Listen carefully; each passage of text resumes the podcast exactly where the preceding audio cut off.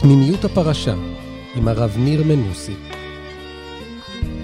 ערב טוב לכולם, ברוכים הבאים לשיעור חדש בסדרה שלנו, התחלות חדשות. הגענו לפרשת בהעלותך, בפרשה השלישית של חומש במדבר, והנושא שלנו היום הוא מדליקי הנשמות.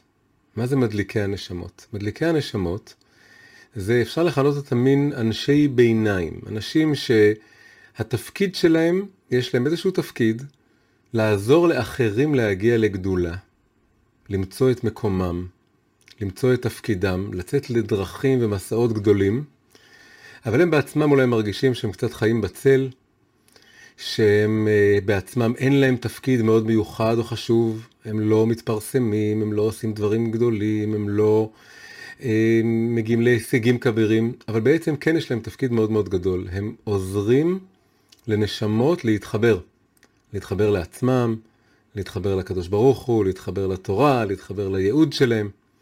הם מדליקי הנשמות.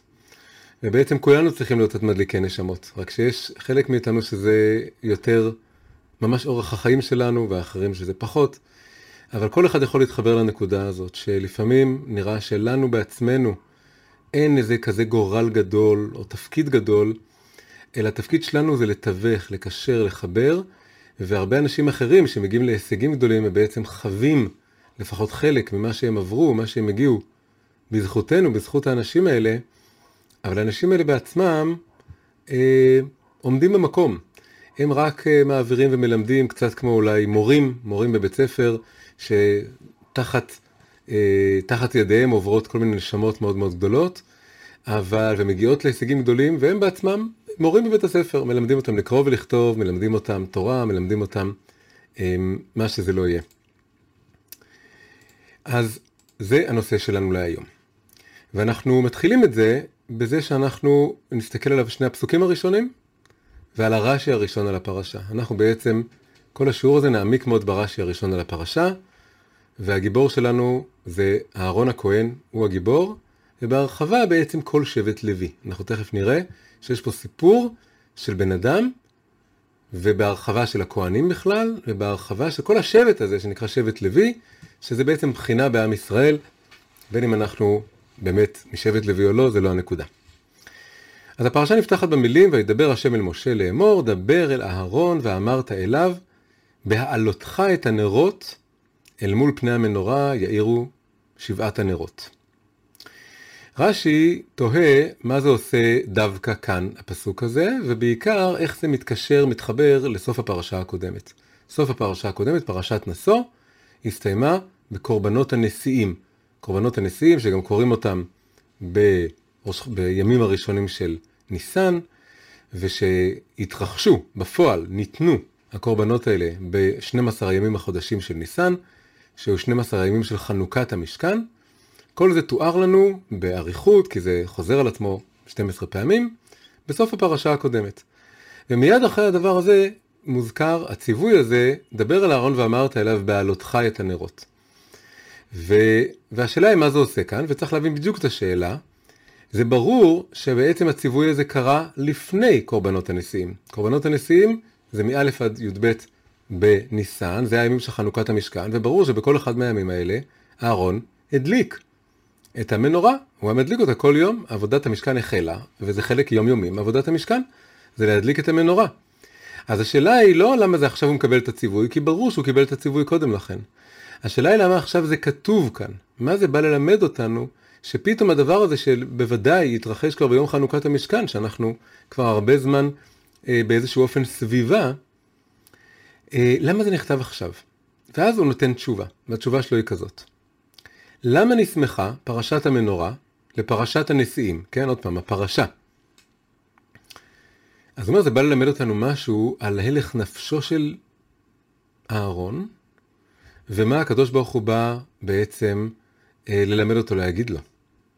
לפי שכשראה אהרון חנוכת הנשיאים, כשאהרון עבר יום אחרי יום, 12 יום, וראה איך כל הנשיאים, כל אחד מביא את הקורבן שלו, ומקריב אותו, ובעצם זה הוא זה שהקריב, אבל זה לא היה קורבנות שלו.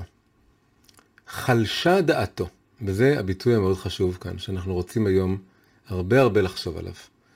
מה זה חולשת הדעת הזאת של אהרון? חלשה דעתו, שלא היה עמהם בחנוכה. הוא לא השתתף איתם, הוא, הוא היה שם כל הזמן, הוא פעל, הוא תפעל. הוא תפעל, הוא הביא את הקורבנות של כולם, אבל זה לא היה הקורבן שלו. הוא לא באמת לקח חלק. לא היה עמהם בחנוכה. לא הוא ולא שבטו. כי הרי 12 הנשיאים, 12 השבטים, זה לא כולל שבט לוי שיצא ממניין השבטים הרגיל. ועוד מעט נסביר את זה יותר. ואז יש את התשובה, שנגיע לה בהמשך, אמר לו הקדוש ברוך הוא, חייך שלך גדולה משלהם, שאתה מדליק ומיטיב את הנרות. הוא בא לנחם אותו, להרגיע אותו, אל תהיה עצוב, יש לך בעצם תפקיד שלמרות שהוא נראה לך לא חלק, הוא מאוד חלק, והוא חלק שאפילו יותר גדול, שלך גדולה משלהם. אז אנחנו רוצים להבין גם את המצוקה של אהרון, להרחיב את המצוקה, להבין למה זה המצוקה של כל השבט באיזשהו מקום, חולשת הדעת הזו, הוא מייצג שבט של נשמות, קבוצה גדולה של נשמות שחובה, הוא חווה את חולשת הדעת בשמם ועבורם, וגם את התשובה, איך, מה זה הנחמה, מה המענה לדבר הזה. והנקודה כאן עוד פעם היא נקודה שהיא לא רק אהרון, היא לא רק של כהנים או לוויים, היא נקודה שקשורה לכל אחד מאיתנו בהקשרים מסוימים בחיים. אצל חלק זה הקשר מאוד מרכזי בחיים שלו, אצל אחרים זה הקשר קטן יותר בחיים, כולנו נוכל להתחבר לחולשת הדעת של אהרון, ואני מקווה גם להתחזק עם ההבנה העמוקה של מה הקדוש ברוך הוא ענה לו. אז עכשיו בואו נחשוב רגע, מה זה בעצם הייתה חולשת הדעת שלו? מה זה הסיפור שהוא קינא בהם? הוא אמר למה להם הם מביאים כאלה קורבנות חשובים ואני לא? קודם כל, לפעמים מותר גם לקנא, זה רגש טבעי, אבל נראה שזה לא הסיפור פה, זה לא היה זוכה לקבל כזה מקום ולהיכנס ככה לרש"י וכל הסיפור הזה. ברור שהחולשת דעת היא הרגשה יותר עמוקה מזה. היא הרגשה שיש פה שבטים ונשיאים ואנשים גדולים, ויש להם גם משהו להביא איתם. יש להם, כל אחד מביא איתו איזה קורבן גדול ועסיסי ומורכב מכמה וכמה חלקים.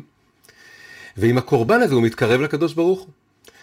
אז כידוע, כל, כל קורבנות הנשיאים הם זהים, אמרנו, זה אותה, אותו תיאור שוב ושוב 12 פעמים. אבל נורא מדגישים לנו שהסיבה שכתוב את זה 12 פעמים, שהתורה לא רק אמרה פעם אחת, ואז אמרה, ככה הביא כל אחד מהנשיאים, אלא טרחה כל פעם לחזור, אפילו שזה בדיוק אותם מילים, זה בעצם בא לרמוז לנו שכל אחד מהם התכוון למשהו אחר לגמרי. והלשון של חז"ל בדבר הזה זה, מה ראו הנשיאים להקריב קורבנות בעניין הזה, כלומר כל אחד לפי אותו נוסחה בדיוק. רבנן אמרין, אמרו רבנים, אף על פי שקורבן שווה הקריבו, כולם על דברים גדולים הקריבו, וכל אחד ואחד הקריבו לפי דעתו. כלומר, כוונתו. כל אחד התכוון למשהו אחר, אחד התכוון למלוכה, אחד התכוון לתורה, אחד התכוון למשכן, הם הולכים ומתארים את זה.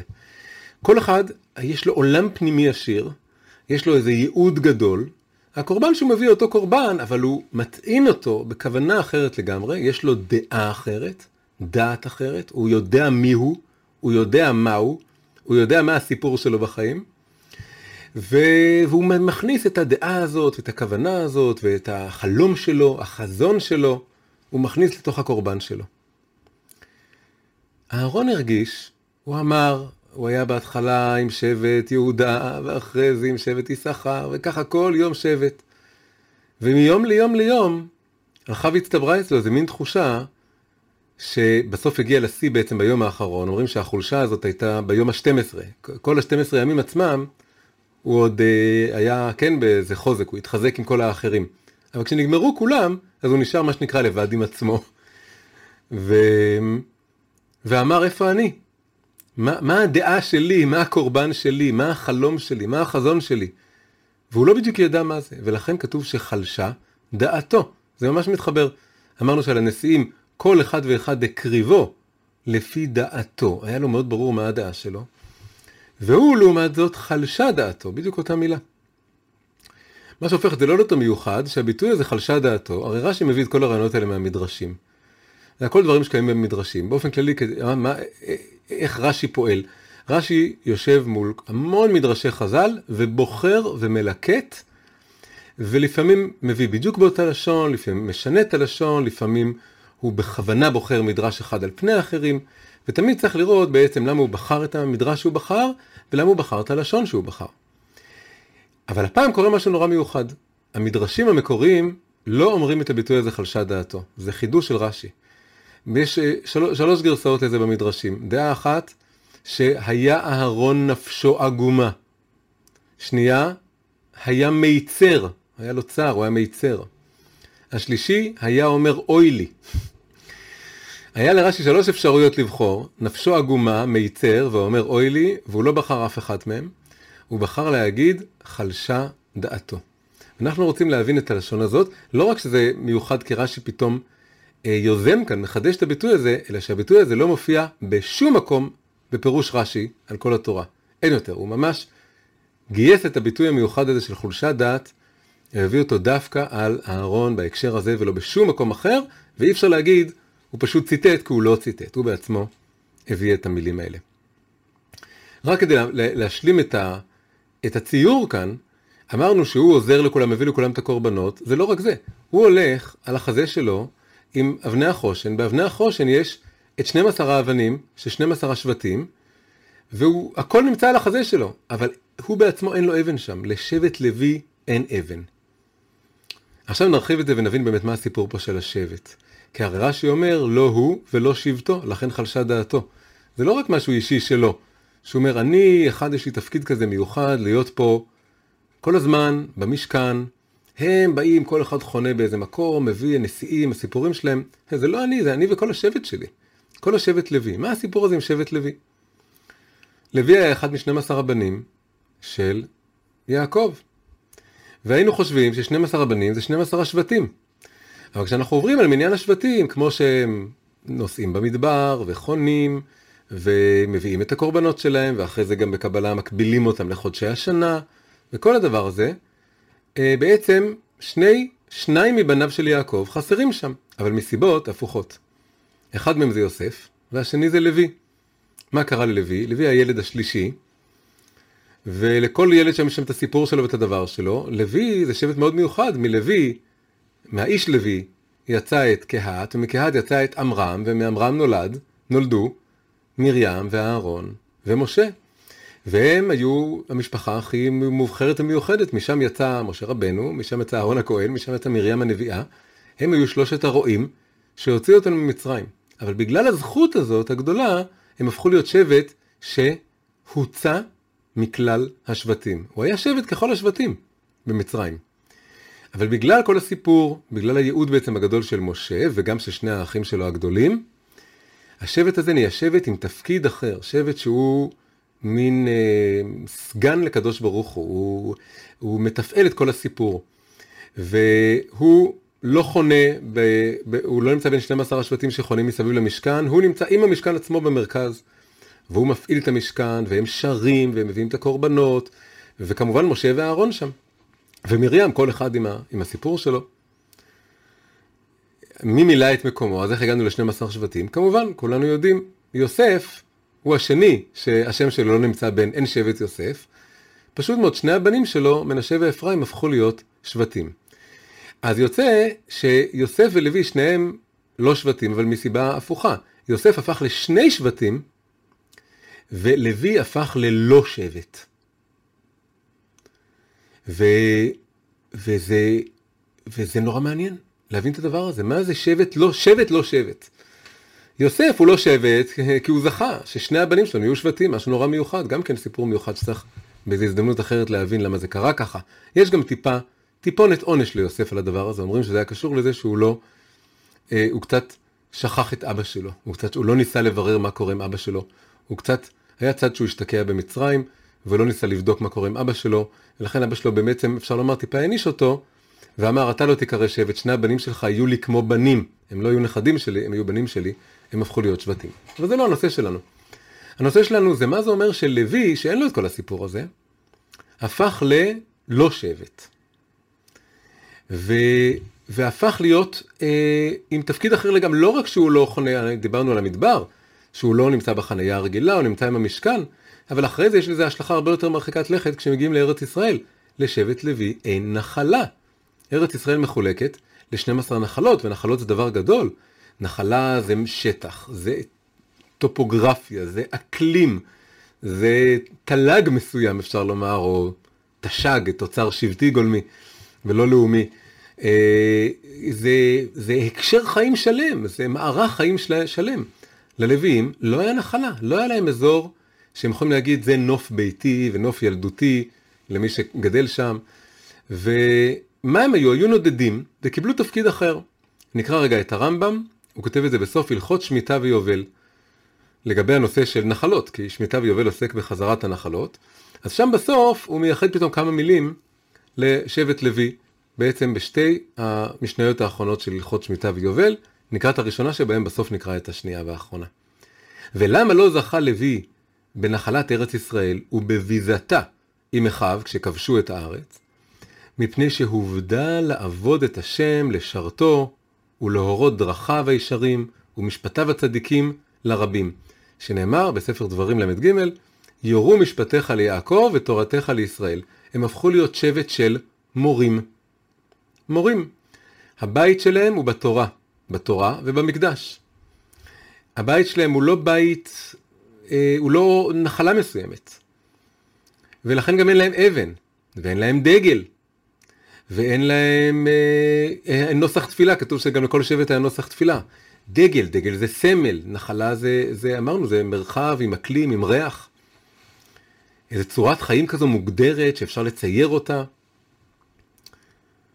אה, הם היו מורים, והם נדדו ממקום למקום, היה להם תורנות בבית המקדש חודש בשנה, ומה עושים בשאר הזמן? הולכים ומלמדים. לפיכך, ממשיך הרמב"ם, הובדלו מדרכי העולם. הם פרשו מדרכי העולם, כל, רוב העולם הולך בדרכי העולם. ואפשר להגיד שלכל אחד יש את הדרך שלו, והוא יודע מה הדרך שלו, והוא הולך בה. אבל הלוויים, אותם הנשמות, שאנחנו רוצים עכשיו לחשוב על נשמות כאלה מבחינה רוחנית, שיש נשמות שהם לוויים, והתפקיד שלהם זה ללוות אחרים.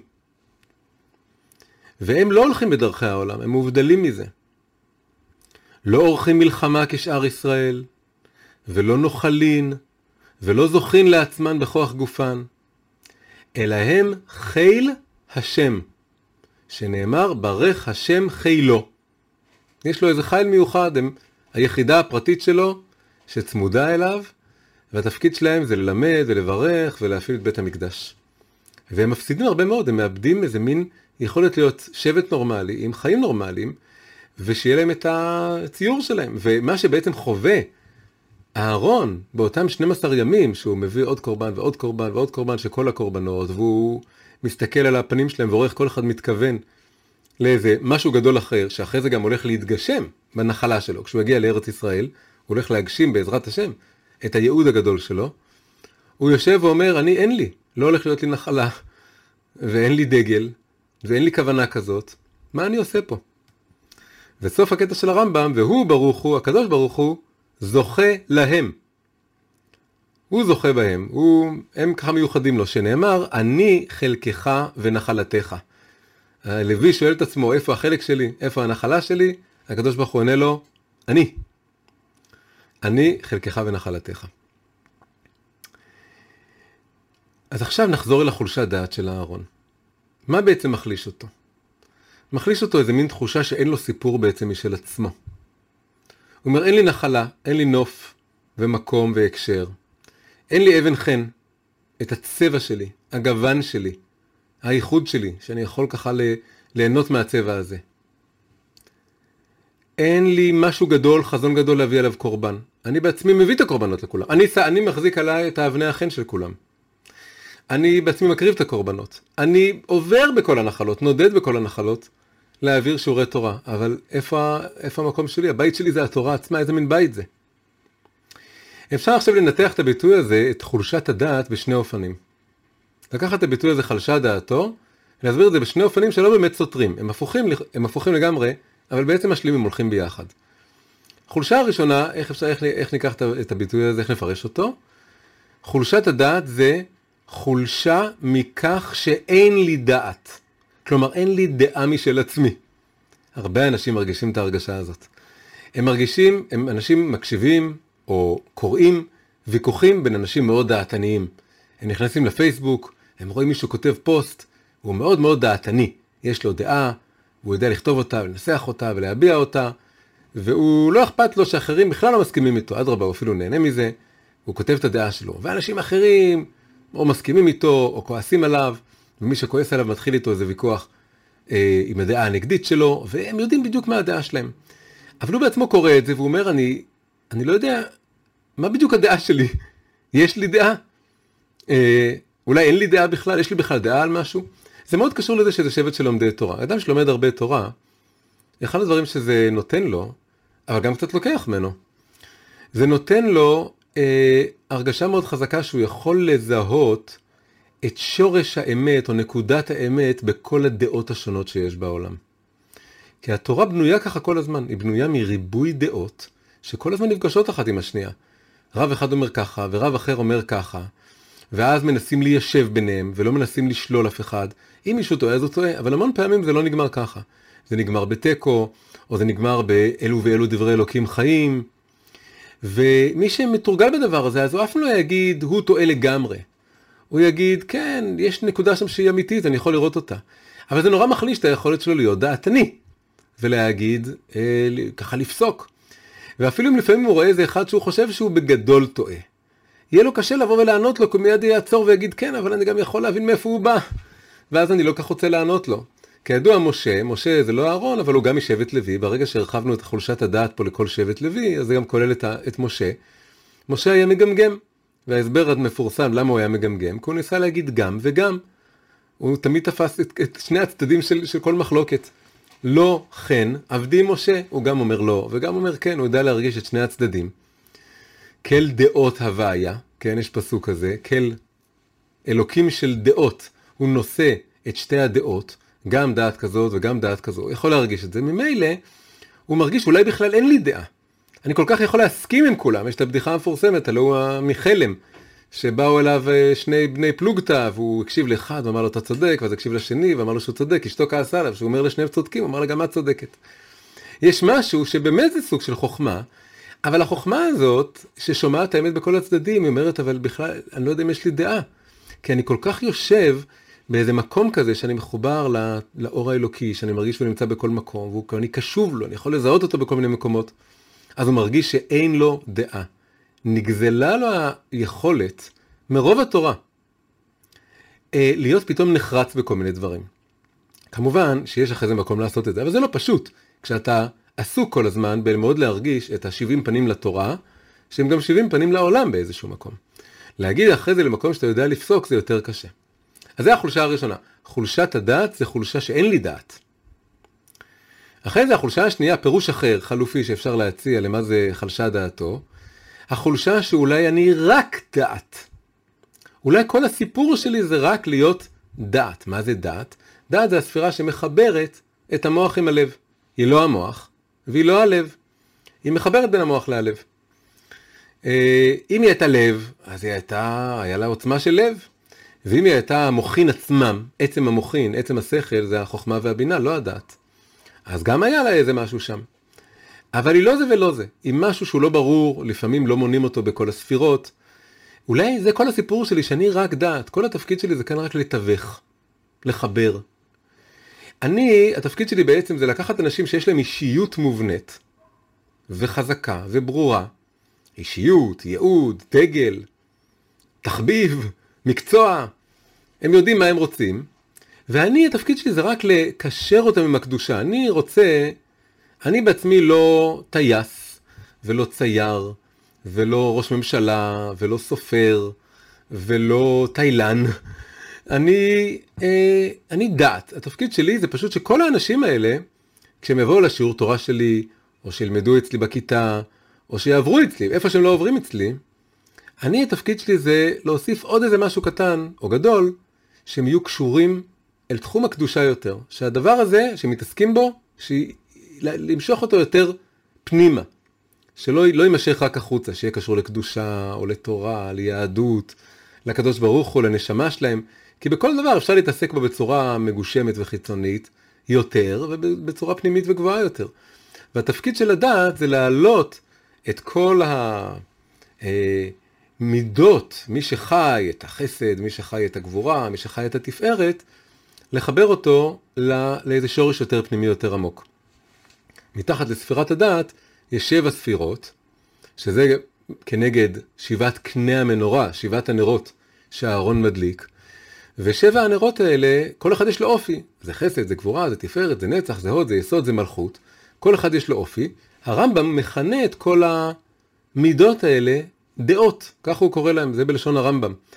ולפי הקבלה זה יוצא שכולם מסתעפים ומשתלשלים מהדת, אבל הדת הוא שורש הדין שלהם, כי כמו שהאהרון כאן הוא איש תורה, והוא, והוא וכל שבט לוי, הם, הבית שלהם זה התורה, הם, נוד... הם חיים בתוך ספרים בעצם, אה?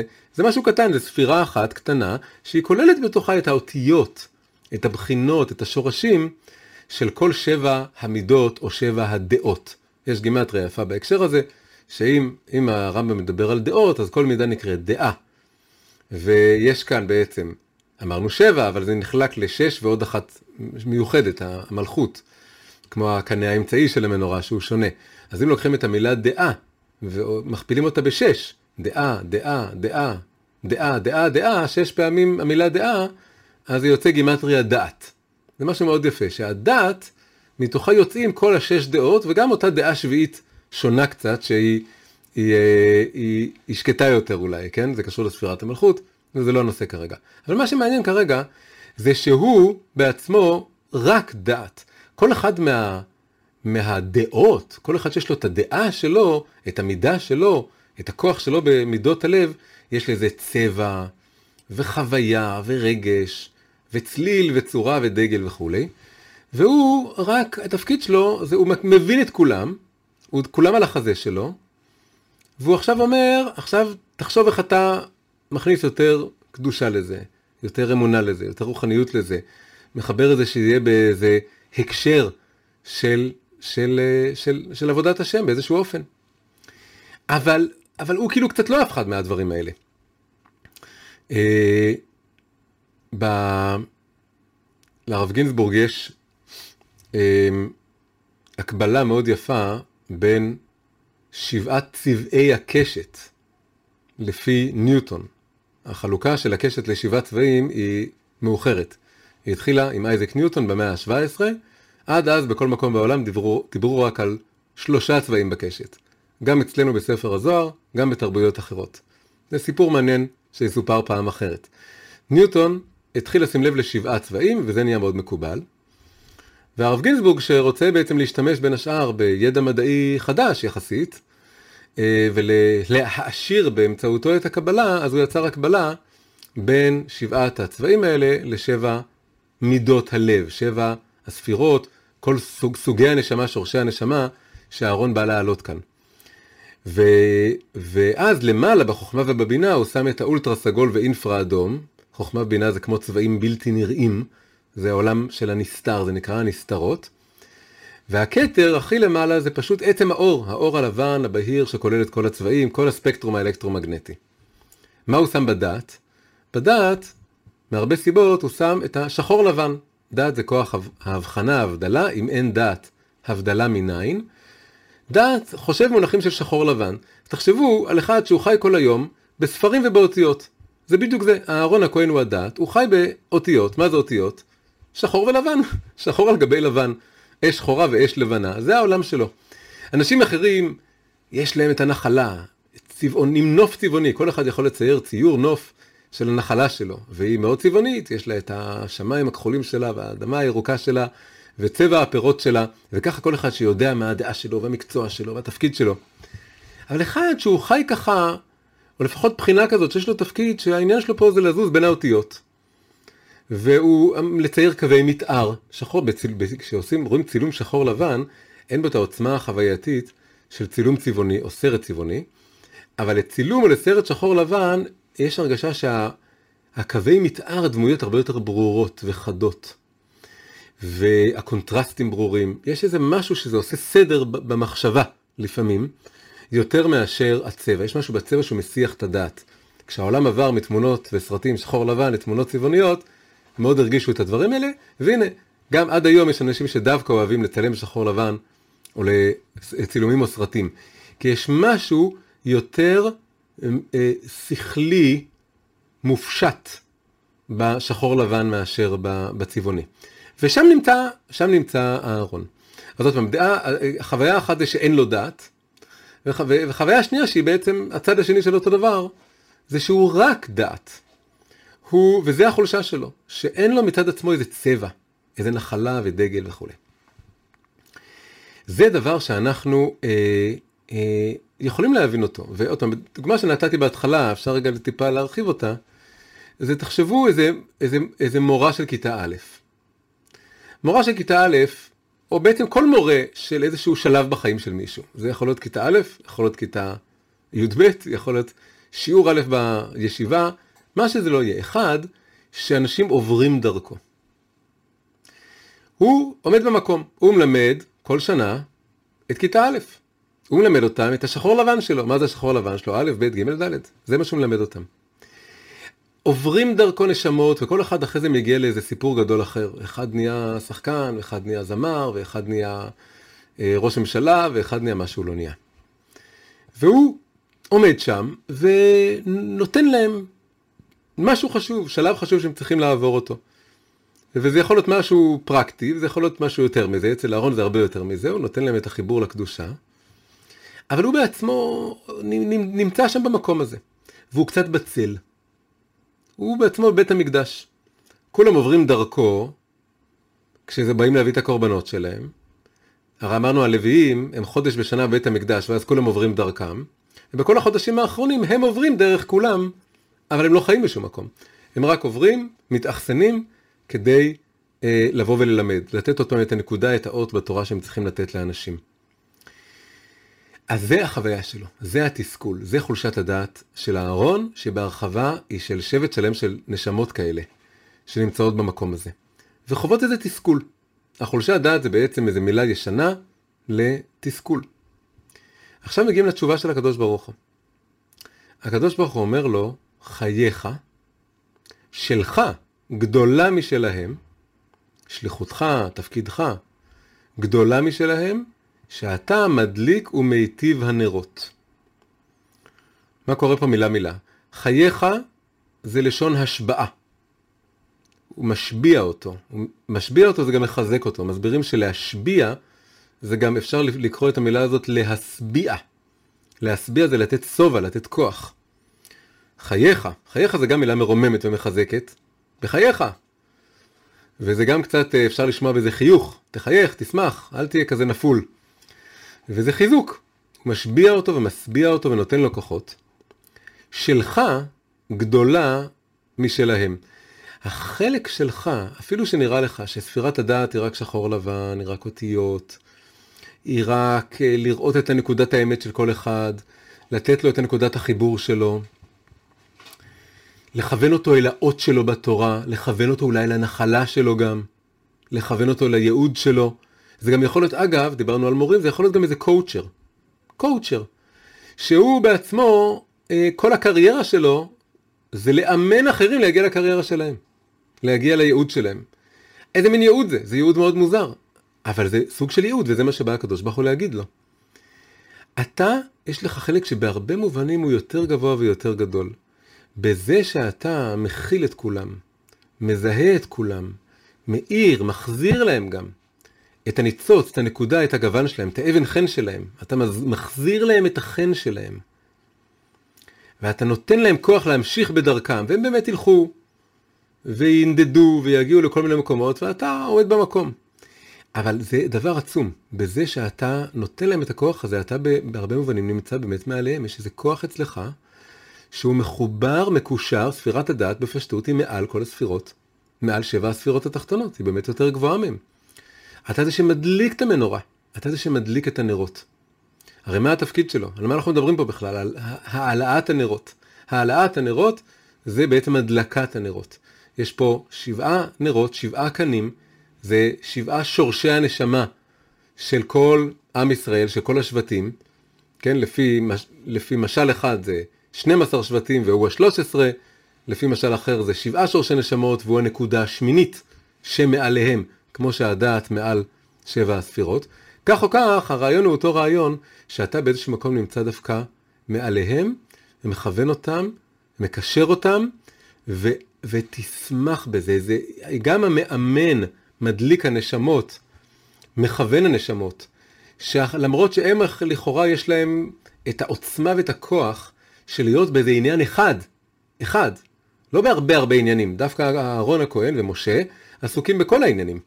כי הם, הם חיים בתוך העולם הזה של התורה והאותיות והתכנים והרעיונות וה, ולמצוא את כל הנשמות. אז הם מקנאים קצת, זה חולשת הדעת, הם מקנאים באחד שיש לו את הסיפור הספציפי שלו, והוא יודע שזה הסיפור שלו ולא סיפורים אחרים. הם צריכים לחיות את כל הסיפורים. הם צריכים לחשוב על כל הנשמות, על כל האנשים.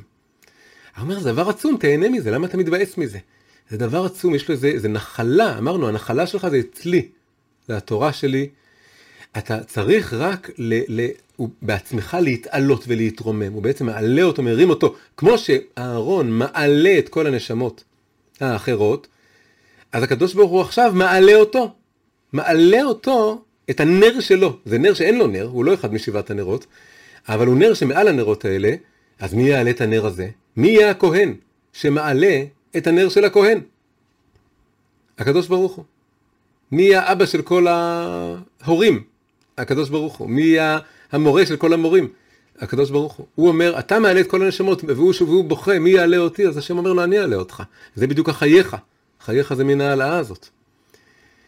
עכשיו, אחרי זה, על החלק שהוא אומר לו, שאתה מדליק ומיטיב את הנרות, הרבי מלובביץ' נורא מדייק פה, וממש רואה פה של, שלושה עניינים שונים, של למה אתה מיוחד, מה, מה בדיוק המעלה שלך, מה מיוחד אצלך שאין אצלם. אז הוא ממש מפרק את זה. אתה מדליק ומיטיב ואת הנרות.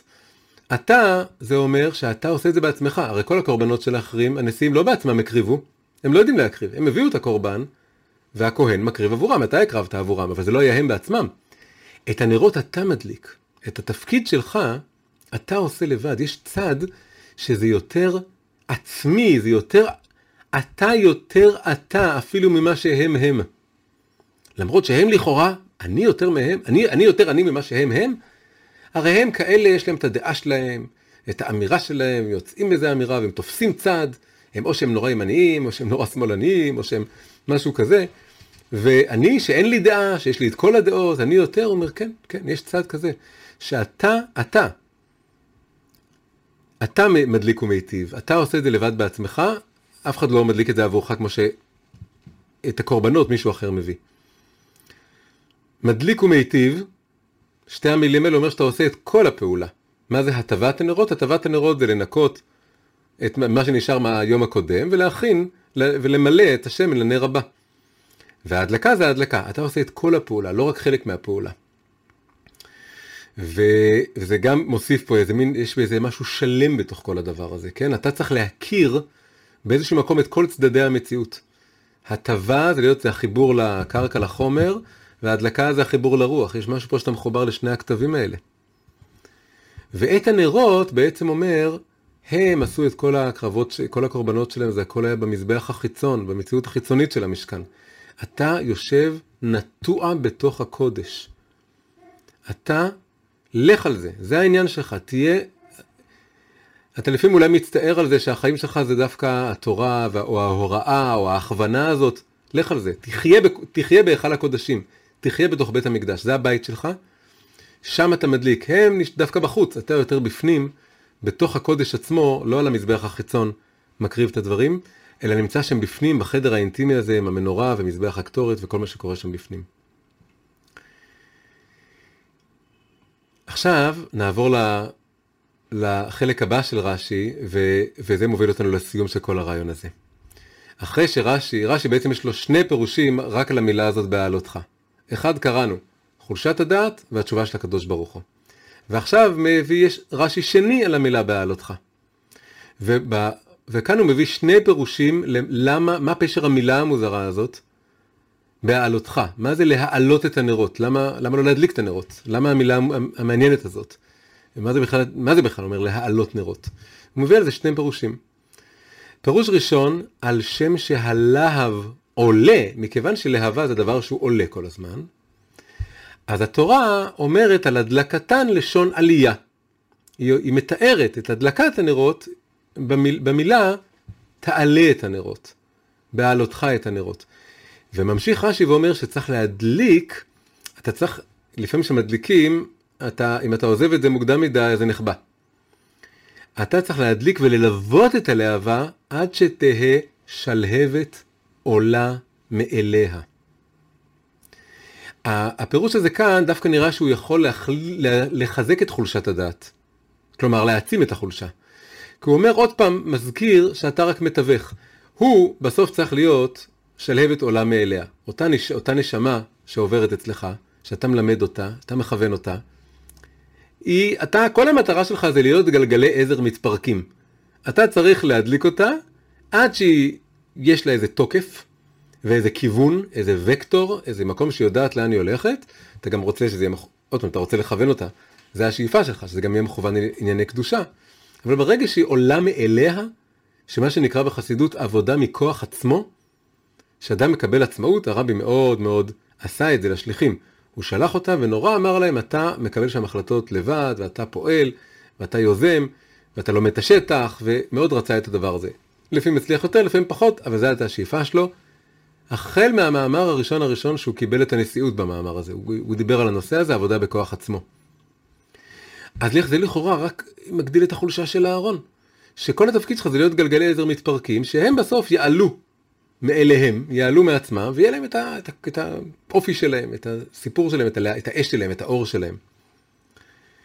אבל מצד שני אפשר גם להגיד לא, תראה איזה יופי, עוד פעם, אם אתה יודע לעשות את זה לכולם, תחשוב איזה כוח וכישרון וחשיבות ואחריות יש לך לעשות את הדבר הזה. אבל עיקר הנחמה מגיע בפירוש השני של רש"י, בתוך הפירוש השני של רש"י, כן? החלק האחרון של הפירוש שלו השני במילה בעלותך. אומר, ועוד דרשו רבותינו, עוד הסבר למילה הזאת, אה, העלאה. למה זה נאמר בלשון העלאה ולא לשון הדלקה? מכאן שמעלה הייתה לפני המנורה, הייתה איזה מדרגה לפני המנורה, המנורה היא די גבוהה, היה איזה מעלה, איזה מדרגה, שעליה הכהן עומד ומיטיב. מה בעצם אומר הדבר הזה? זה אומר שכל פעולת ההטבה וההדלקה הזאת, אהרון בעצמו מתעלה. הוא בעצמו עולה. עד עכשיו רק דיברנו, תשמח בזה שאתה מעלה את כולם, ואתה מכוון את כולם, ואתה נותן להם את המקום שלהם, ואתה מלמד אותם את ה... מגלה להם את האות שלהם בתורה. עכשיו מגיע הדבר הכי יפה כאן, בעצם שיא הנחמה אפשר להגיד, שזה בדיוק ההתעלות שלך, וזה בדיוק ה... ה... משלים כאן את הנקודה שאמרנו לפני כמה רגעים, שבעצם בכל האמירה הזאת, כל מי חייך והלאה, זה הכל כאן בעצם, הקדוש ברוך הוא פועל כלפי אהרון את מה שאהרון פועל כלפי כולם. ומעלה אותו, כפשוטו. מביא לו איזה מעלה כזאת, וכשהוא בא להיטיב, הוא בעצמו צריך, פיזית, להתעלות, לעלות. והוא בעצמו צריך קודם לעלות אפילו, קודם כל הלהבה שלו בעצמו, עולה, נעמדת על המעלה הזאת, על המדרגה הזאת, ומשם היא יכולה, היא יכולה להשפיע. יצור מאוד מאוד יפה, שבעצם מתחבר ל, ל, לנקודה האחרונה שאני רוצה להביא כאן, שהרבי מאוד מאוד הדגיש, וצריך להמשיך להדגיש. הרבי כל הזמן אמר, בדור שלנו, כולם צריכים להיות מורים. אין לאף אחד פטור מהדבר הזה, לא משנה מה המקצוע שלך, לא משנה מה אתה עושה. אתה יודע, אות א', אתה חייב ללמד את האות א', בוודאי אם אתה יודע יותר אותיות. המציאות של עם ישראל היום, לא רק של עם ישראל, של העולם, היא כל כך במצב של התרחקות. התרחקות לא רק מהתורה, התרחקות בהמון המון דברים, גם מדברים שנחשבו עד לפני לא הרבה זמן לשפיות פשוטה. ללהיות אדם בכלל ש, שעוסק ביישוב העולם, שיודע לבנות בצורה אחראית וטובה בתים וקהילות ו, ו, ו, ו, ו, וחברות. וכל כך הרבה דברים מתפרקים. בוודאי בוודאי הם חושבים על עם ישראל והסיפור שלו, אבל גם כשמסתכלים על העולם. כל מי שמחובר לתורה וללימוד, הוא חייב להעביר את זה הלאה. הוא חייב להיות בעצמו, להצטרף לשבט לוי בעצם. וה, והרבי נורא אמר, ואתם תתעלו מזה בעצמכם. כשאתם תחשבו לעצמכם, שכל, שאתם רוצים להקדיש את עצמכם, להעלות נשמות אחרות. למרות שלכאורה, כל מה שמעסיק אתכם עכשיו זה הנשמות האחרות. שהם ילכו, והם יגדלו, והם יעשו כל מיני דברים, ואתם רק רוצים פשוט להעלות אותם, להגיד להם, בוא ת, תכיר גם יהדות בסיפור הזה, תכיר גם תורה ותלמד איזה אות ו, ו, ותתחבר למקומות האלה, אז גם אתם תתעלו מזה, מה שאתם תקבלו מזה, מה שאתם תרוויחו, מה שאתם תגדלו מהדבר הזה, הוא עצום, הוא בהרבה מובנים הרבה יותר גדול. מי ש... זה לא סתם נאמר, שכל המורה אומר, רבות למדתי מרבותיי ומחבריי יותר מרבותיי ומתלמידיי יותר מכולם. עצם המפגש עם התלמיד, עצם החציית הגבול הזה של לפגוש את התלמיד וללמד אותו ולהביא לו, מעלה, מקדמת אותך בעצמך.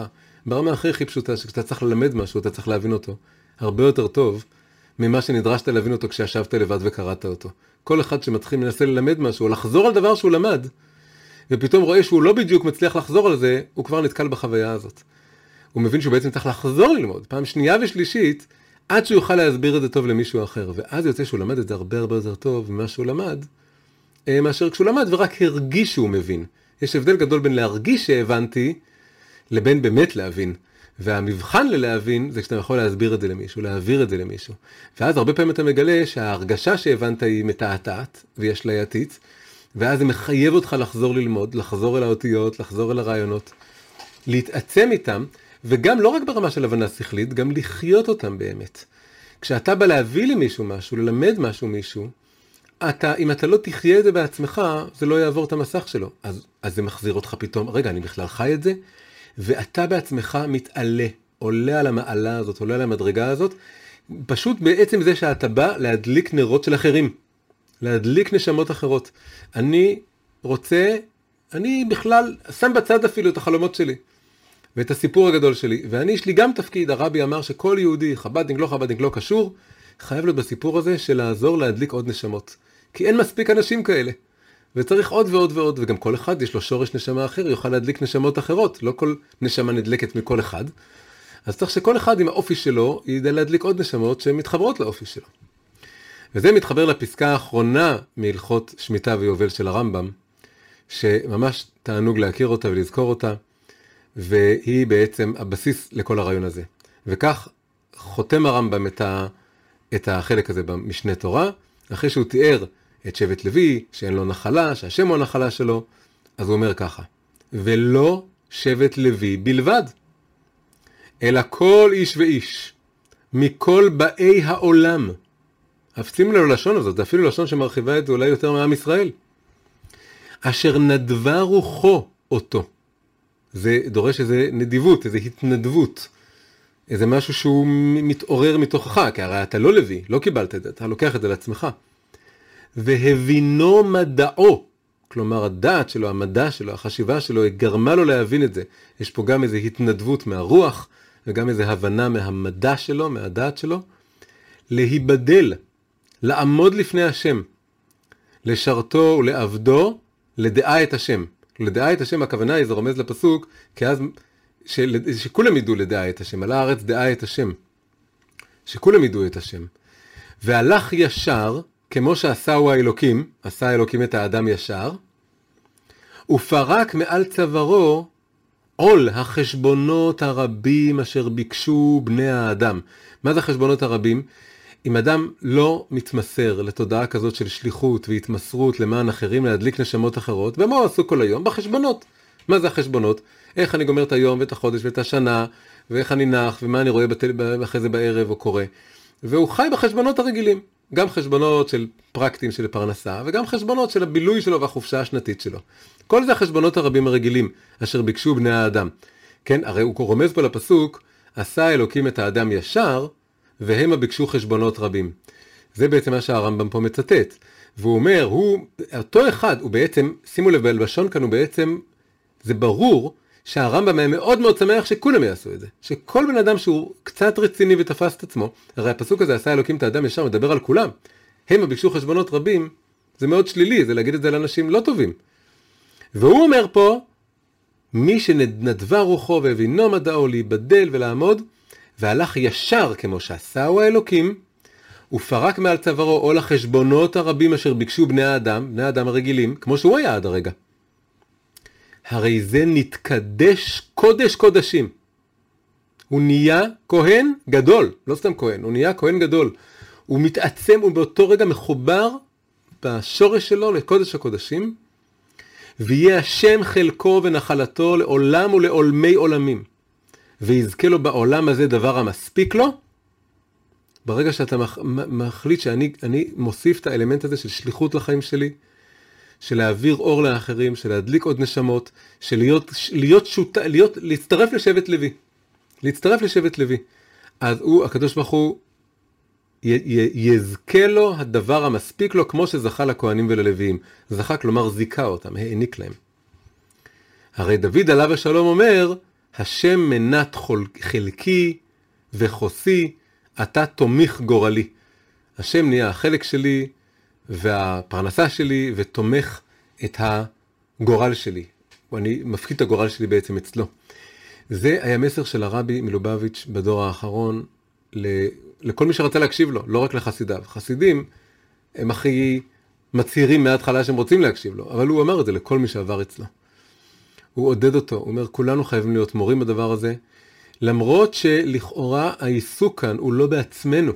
העיסוק כאן הוא בלהדליק נשמות אחרות, בלהאיר נשמות אחרות, ואנחנו עסוקים בדברים שאין בהם איזה מרחבים של הגשמה עצמית, של מימוש, אה, אה, של להיות עסוק באיזה, לבנות איזה קריירה, או ללכת באיזה דרך, אלא אנחנו עסוקים בשחור לבן, באותיות, במילים, בלהסביר, בל, בלכתוב, בלדבר, להסביר למישהו, לעורר אותו.